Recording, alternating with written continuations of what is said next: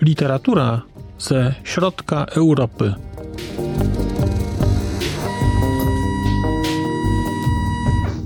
Podcast około książkowy.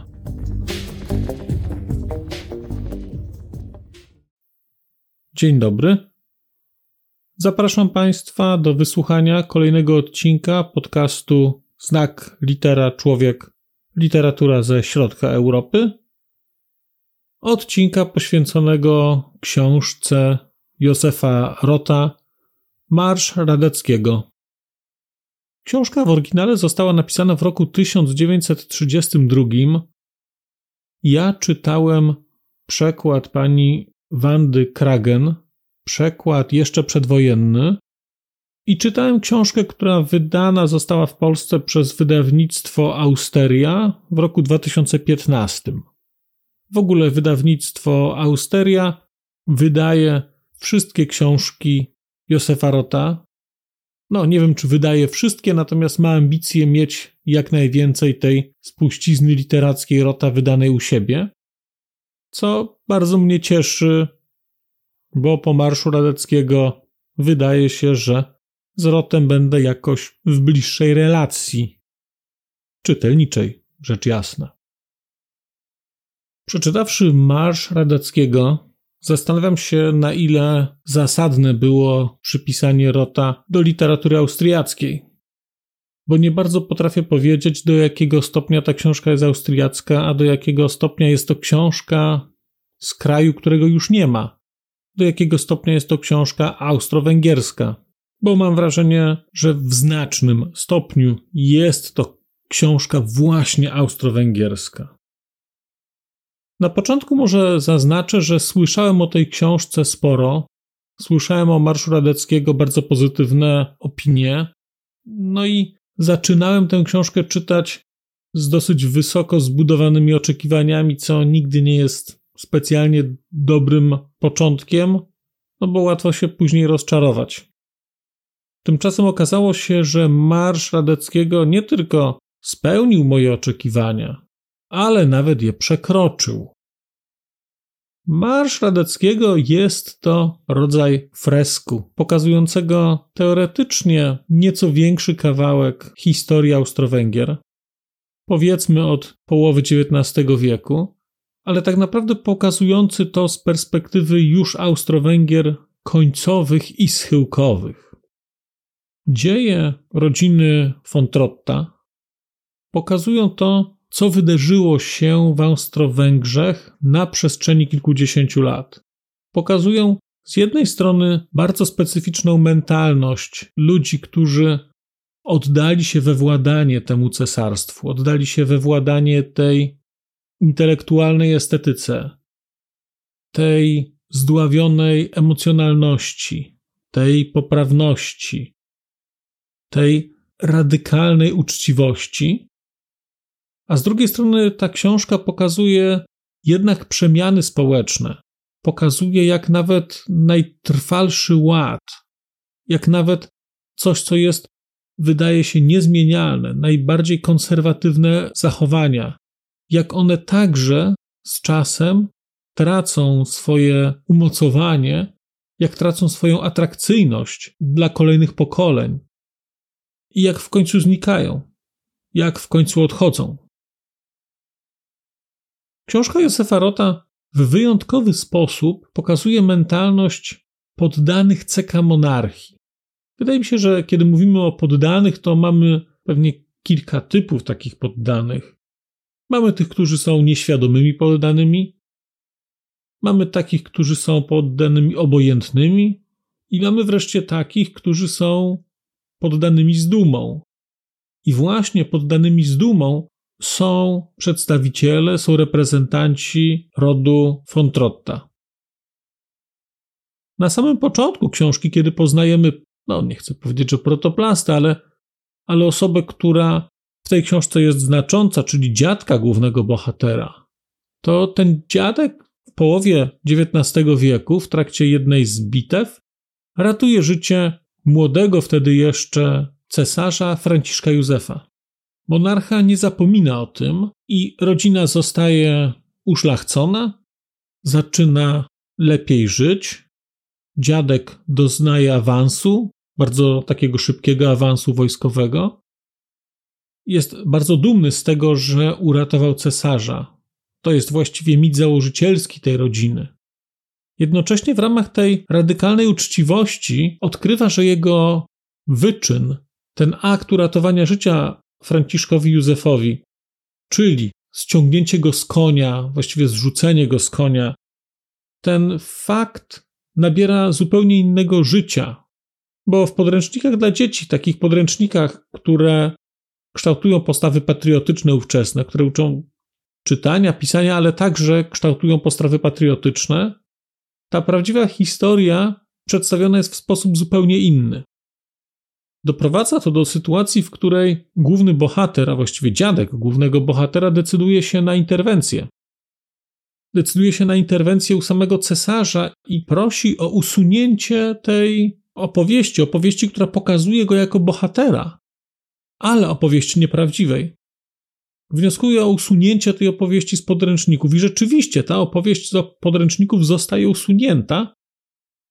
Główny bohater traci wiarę dziadek głównego bohatera, traci wiarę w cesarstwo, traci wiarę w nieomylność, jest właściwie zdegustowany postawą Franciszka Józefa, zdegustowany postawą wyższych urzędników cesarstwa. Więc traci tę wiarę, odchodzi z wojska. Swojemu synowi zabrania wręcz wstępowania do armii i dopiero jego wnuk będzie do tej armii ponownie przynależał przejdzie całą karierę, przejdzie całą ścieżkę, zacznie jako młody uczeń, skończy jako oficer. Wydaje mi się, że bardzo wiele o mentalności urzędniczej, bardzo wiele o tym konserwatyzmie, o tej radykalnej wierze w prawdę, bardzo wyraźnie świadczy o tym właśnie zachowanie dziadka głównego bohatera. Właśnie ta historia z próbą naprawy, z próbą wyjaśnienia, z próbą odrzucenia historii pokazującej go w jeszcze lepszym świetle, ale nieprawdziwej, to to bardzo wiele mówi o ludziach tamtych czasów, bardzo wiele mówi o tamtym świecie. Jednocześnie to, co dostajemy w Marszu Radeckiego, to poza odniesieniami do przeszłości, poza odniesieniami do przeszłości, które stanowią punkty odniesienia, dostajemy taki piękny obraz życia w CK monarchii, życia, nie chcę powiedzieć, że klasy urzędniczej, ale życia urzędnika, funkcjonowania w ramach układu, wspierania tego urzędnika przez dwór bardzo dyskretnego. No, dość powiedzieć, że praktycznie do końca wypłacana jest dla rodziny von Trotta jakaś renta, wypłacana jest jakaś zapomoga. Coś, co wydarzyło się kilkadziesiąt lat temu, prawie pięćdziesiąt lat temu, nadal funkcjonuje, a sama rodzina bardzo dyskretnie, ale jednak korzysta z bycia osławioną tym, że zrobili coś dla cesarza. Nie korzystają z tego cały czas, nie korzystają z tego nadmiernie, ale kiedy trzeba, to ten cesarz zawsze się gdzieś tam pojawia. Ta książka pokazuje jednak nie tylko trwanie cesarstwa, nie tylko to, jak to życie tam wyglądało. Ona jest przede wszystkim wspaniałym świadectwem rozkładu i upadku tego cesarstwa. Bo to, co tu obserwujemy, to uświadamianie sobie przez niektórych bohaterów nieprzystawalności tego tworu do nowych czasów. Bardzo regularnie pojawiają się refleksje na temat tego, że ruchy narodowe powstające na obszarze cesarstwa starają się doprowadzić do powstania narodów. Dla ojca głównego bohatera starosty, te rzeczy są niewyobrażalne. Słowo rewolucja, słowo socjaldemokrata, słowo samorząd, samostanowienie to jest zaprzeczenie wszystkiego, w co wierzy. Co ciekawe, nie wierzy przeciwko ludziom. On wierzy za cesarzem, on wierzy w cesarstwo, wierzy w wyjątkowość miejsca i struktury, której służy. Nie uświadamia sobie nawet tej zmiany. Tak naprawdę tę zmianę uświadamiają mu inni, z którymi rozmawia. Ludzie młodsi, ludzie o szerszych horyzontach. Oni bardzo wyraźnie mówią, że nadchodząca wojna będzie końcem tego cesarstwa. A nawet jeszcze nie ma mowy o wojnie, ale oni już mówią, że cesarstwo umiera.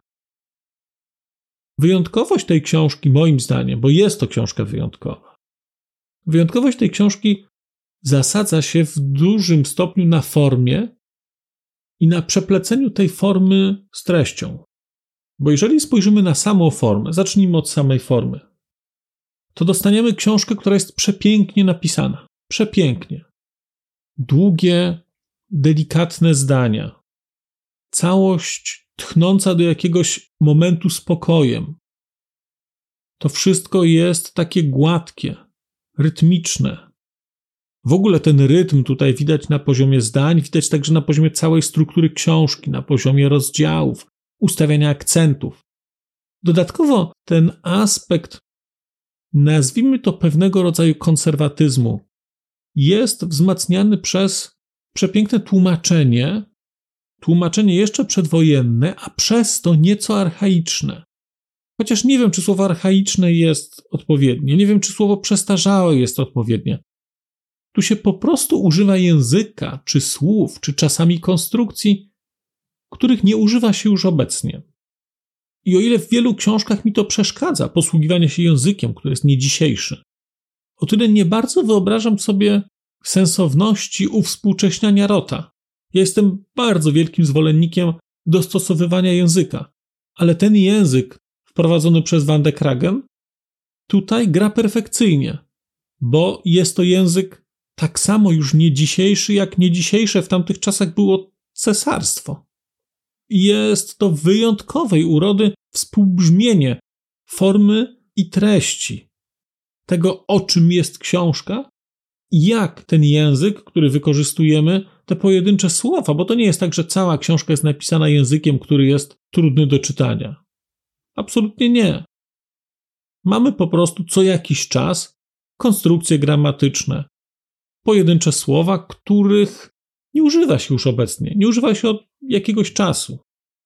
Wydaje mi się, że kiedy autorka je pisała, były one bardziej w użyciu, natomiast jest to przykład tej sytuacji, w której czas przysłużył się przekładowi, bo w kontekście tej konkretnej powieści ta patyna językowa niesie tylko wartość pozytywną. Ale mówiłem także o tym, że, że Marsz Radeckiego jest wyjątkowym połączeniem formy i treści. I rzeczywiście ta książka jest bardzo unikalna pod jednym względem. Rzadko zdarzało mi się, żeby moje oczekiwania co do lektury, co do treści i formy rosły w trakcie tekstu i żeby ten tekst, to co rzeczywiście jest tam napisane później, żeby to wszystko odzwierciedlało, żeby to wpisywało się, żeby to spełniało, a nawet przekraczało moje oczekiwania. Ja uświadomiłem sobie, kiedy czytałem tę książkę, że im więcej czasu z nią spędzam, tym bardziej zachłannie ją czytam. A ta zachłanność wynika właśnie z takiego stopniowania emocji, z takiego odkrywania rozkładu tego świata, rozkładu tego kraju. Bo ta książka zaczyna się bardzo gładko, bardzo spokojnie, bardzo rytmicznie i wydaje się, że będzie to taka klasyczna powieść. I ona oczywiście formalnie jest klasyczna, ale historie proste kończą się stosunkowo wcześnie, a później zaczyna się jakiś rodzaj zmiany, jakiś rodzaj niepokoju, jakiś rodzaj odchodzenia od tego, do czego bohaterowie byli przyzwyczajeni. Jest to pokazane na poziomie nie tylko zmiany w kraju jako takim, bo nie mamy tu mowy o wydarzeniach politycznych. Są tu pojedyncze wydarzenia, które pokazują, że coś się zmienia. Ale historia Austro-Węgier, czy historia tego, co się wydarza, jest pokazana z perspektywy osobistej głównego bohatera. To, co dzieje się z Fontrotą, jego zatracanie się alkoholu, jego zatracanie się w hazardzie, nieumiejętność zarządzania swoimi pieniędzmi, absolutne niedostosowanie się do rzeczywistości. To nie był człowiek zły, to był człowiek tylko, który nie bardzo potrafił się w tej nowoczesności odnajdywać.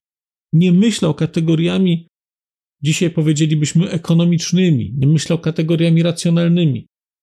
Po prostu żył wedle tych kryteriów, do których był przyzwyczajony, a potem okazało się, że to życie, które wiódł, prowadzi go na manowce, jest dla niego utrudnieniem, skłania go do niedobrych wyborów. On tych wyborów dokonuje, bo nie umie inaczej. Kiedy mówiłem o tych strukturach, które się tutaj pojawiają, o tym, że historia rodu Fontrotta jest niejako paralelą do historii schyłkowych Austro-Węgier, to miałem wrażenie, kiedy czytałem tę książkę, że porównałbym ją do symfonii. Tu jest jakiś temat, który się cały czas pojawia, są rzeczy, które się zmieniają, ale są rzeczy, które też regularnie powracają, i na końcu jest to grande finale. Czy jakkolwiek się to nazywa, bo pewnie w symfonii nazywa się to inaczej, a moja wiedza na temat symfonii jest, no, nazwijmy to, ograniczona. Kojarzę ją tylko z symfonią dobrego smaku. No to jest akurat coś, czego mi brakuje. Nie przeszkadzała mi nawet w tej książce teatralność, bo ta książka jest nieco teatralna. Kiedy spojrzymy sobie właśnie na równoległość tych wydarzeń, tego co dzieje się z rodziną, tego co dzieje się z państwem, a do tego na koniec wchodzi nawet przyroda. W momencie, kiedy dochodzi do zabójstwa w Sarajewie, to bohaterowie, którzy bawią się z okazji jakiegoś tam święta pułku, zostają zaskoczeni przez burzę, tak jakby przyroda gdzieś też wchodziła w taką interakcję ze zdarzeniami politycznymi. I normalnie w książkach by mi to przeszkadzało. Tutaj to nie przeszkadza. Tutaj to pasuje, bo całość ma taki charakter bardziej uniwersalny, quasi-mityczny. Ta paralelność jest bardzo silna. I właśnie ta teatralność mi nie przeszkadzała. Byłem tym zaskoczony. Byłem tym zaskoczony, bo od któregoś momentu już wiedziałem, w jakim kierunku ta książka zmierza. I domyślałem się, że tam będzie wątek burzy, że będzie wątek takiej ogromnej zgodności życia rodziny Fontrota z tym, co dzieje się z państwem. I przeważnie by mi to przeszkadzało, a tutaj nie przeszkadzało mi. Takim motywem powracającym, jednym z motywów powracających jest postać Franciszka Józefa, Franciszka Józefa, który bardzo regularnie się pojawia i którego śmierć, a później odejście ostatnich osób z rodziny Fontrota zamyka książkę. Natomiast ta postać Franciszka Józefa jest po pierwsze w tej książce cały czas obecna. Cały czas. Odwołanie do cesarza, referencja do cesarza, wspomnienie cesarza jest obecne w życiu wszystkich członków tej rodziny. I nie jest to w żaden sposób wymuszone. To jest życie taka wierność bardzo szczera, bardzo głęboka, oparta o wewnętrzne przekonanie, że tak trzeba, że tak należy robić, że to jest nasz dobrodziej. Jednocześnie ten Franciszek Józef pojawia się także jako żywa postać. I o ile kojarzymy go z jakichś obrazów starszego pana, dziadka, który pozwala rzeczom się toczyć, o tyle ta jego refleksja, z którą mamy okazję się w kilku miejscach zapoznać, jest refleksją osoby obdarzonej bardzo szerokim oglądem świata, która bardzo wiele rozumie, ale która przede wszystkim rozumie to, czym jest władza, czym jest majestat. Tak naprawdę zachowanie Franciszka Józefa jest bardzo bliskie temu, co mogliście Państwo oglądać w serialu The Crown, jeżeli była mowa o Elżbiecie II. To jest rodzaj wiary w to, że wypełnia się pewne zobowiązanie, to jest jakiś rodzaj ukrywania uczuć, to jest jakiś rodzaj starania się zrealizowania niewykonalnej misji, a jednocześnie mamy możliwość zapoznania się, poznania tego, co Franciszek Józef myśli, jak on realnie odczuwa. Co robi dlatego, że musi, co robi dlatego, że wie, że tak być powinno. Bo powinność, to co powinno się zrobić, to co przystoi zrobić, jest najgłębszym poziomem opisu tego świata. Świat CK monarchii jest światem powinności, jest światem zobowiązania. I upadek tego świata, odejście od honoru, odejście od wierności wobec domu panującego, odejście od wierności wobec tworu politycznego, jakim były Austro-Węgry. Odejście od tych wszystkich rzeczy oznacza nadejście nowoczesności, bo to, co było poprzednio, to była jakaś prenowożytność, ale ona zostaje zastąpiona przez bardzo konkretną nowoczesność, przez państwa narodowe, przez myślenie kategoriami swoich własnych potrzeb, przez nieliczenie się z konwenansami. Znakomity jest ten e, Józef Rot. Znakomity. Nie mogę się doczekać krypty kapucynów, natomiast Marsz Radeckiego jest przepiękną opowieścią. Przepiękną opowieścią o końcu ceka monarchii. Przepiękną opowieścią o ludziach, którzy tam żyli, o tych elitach. Kiedy oglądałem w Cieszynie film Służąca, tam jest pokazana taka rodzina, rodzina teoretycznie Czechów, ale ci Czesi mieszkający w Pradze są do jakiegoś stopnia zniemczeni. Oni nie wiadomo do jakiego stopnia utożsamiają się z Czechami jako narodem, a do jakiego stopnia utożsamiają się z Austro-Węgrami. Mówią po niemiecku. Mówią o cesarzu, że on jest nasz. Przejmują się nie losem mniejszości niemieckiej, przejmują się losem Austro-Węgier jako takich. I trochę podobnych ludzi spotykamy właśnie w tej książce. Ludzi, którzy wszystko postawili na jedną kartę. Ludzi, którzy najgłębiej wierzyli, że właśnie Austro-Węgry, że brak zmienności, że brak reform, że najgłębsza wiara w jego cesarską mość, że to są rzeczy, które dadzą radę zawieść ich gdzieś do Walhali, w której będzie Franciszek Józef i oni będą mu godnie służyć, a on będzie ich dostrzegał. Znakomita, znakomita książka, przepiękna pod względem konstrukcji bohaterów, przepiękna pod względem formalnym, naprawdę interesującą historią, która się w tle wydarza. Bardzo Państwu ten Marsz Radeckiego polecam. Jeżeli Państwo nie znacie, a interesuje Was chociażby początek XX wieku i próba zrozumienia tego, co wydarzyło się w Austro-Węgrzech, to ta książka wydaje mi się może być znakomitym wprowadzeniem, bo bez jakiegoś nadmiernego starania się opowiada historię tego, jak kraj, który wydawał się mocarstwem, doprowadza się do rodzaju samounicestwienia. Bardzo dziękuję Państwu za dzisiejsze spotkanie. Zachęcam do komentowania, zachęcam do dzielenia się, a może nawet zasubskrybowania kanału. Ja powrócę do Państwa już wkrótce z opowieścią o kolejnej książce. Przez mikrofon mówił do Państwa Marcin Piotrowski. Do usłyszenia. A już zupełnie na koniec powiem, że skoro wysłuchaliście Państwo tego odcinka, to w jego opisie znajdziecie link do serwisu YouTube. W wersji YouTube'owej e, jest miejsce na skomentowanie go. To jest takie miejsce, gdzie można komentować ten odcinek, rozmawiać, zadawać pytania, wymieniać się spostrzeżeniami, do czego Państwa bardzo zachęcam, gdyż udało się już na tym YouTubie zgromadzić trochę bardzo ciekawych osób, bardzo ciekawych komentarzy i trochę stworzyć taką społeczność ludzi rozmawiających o książkach.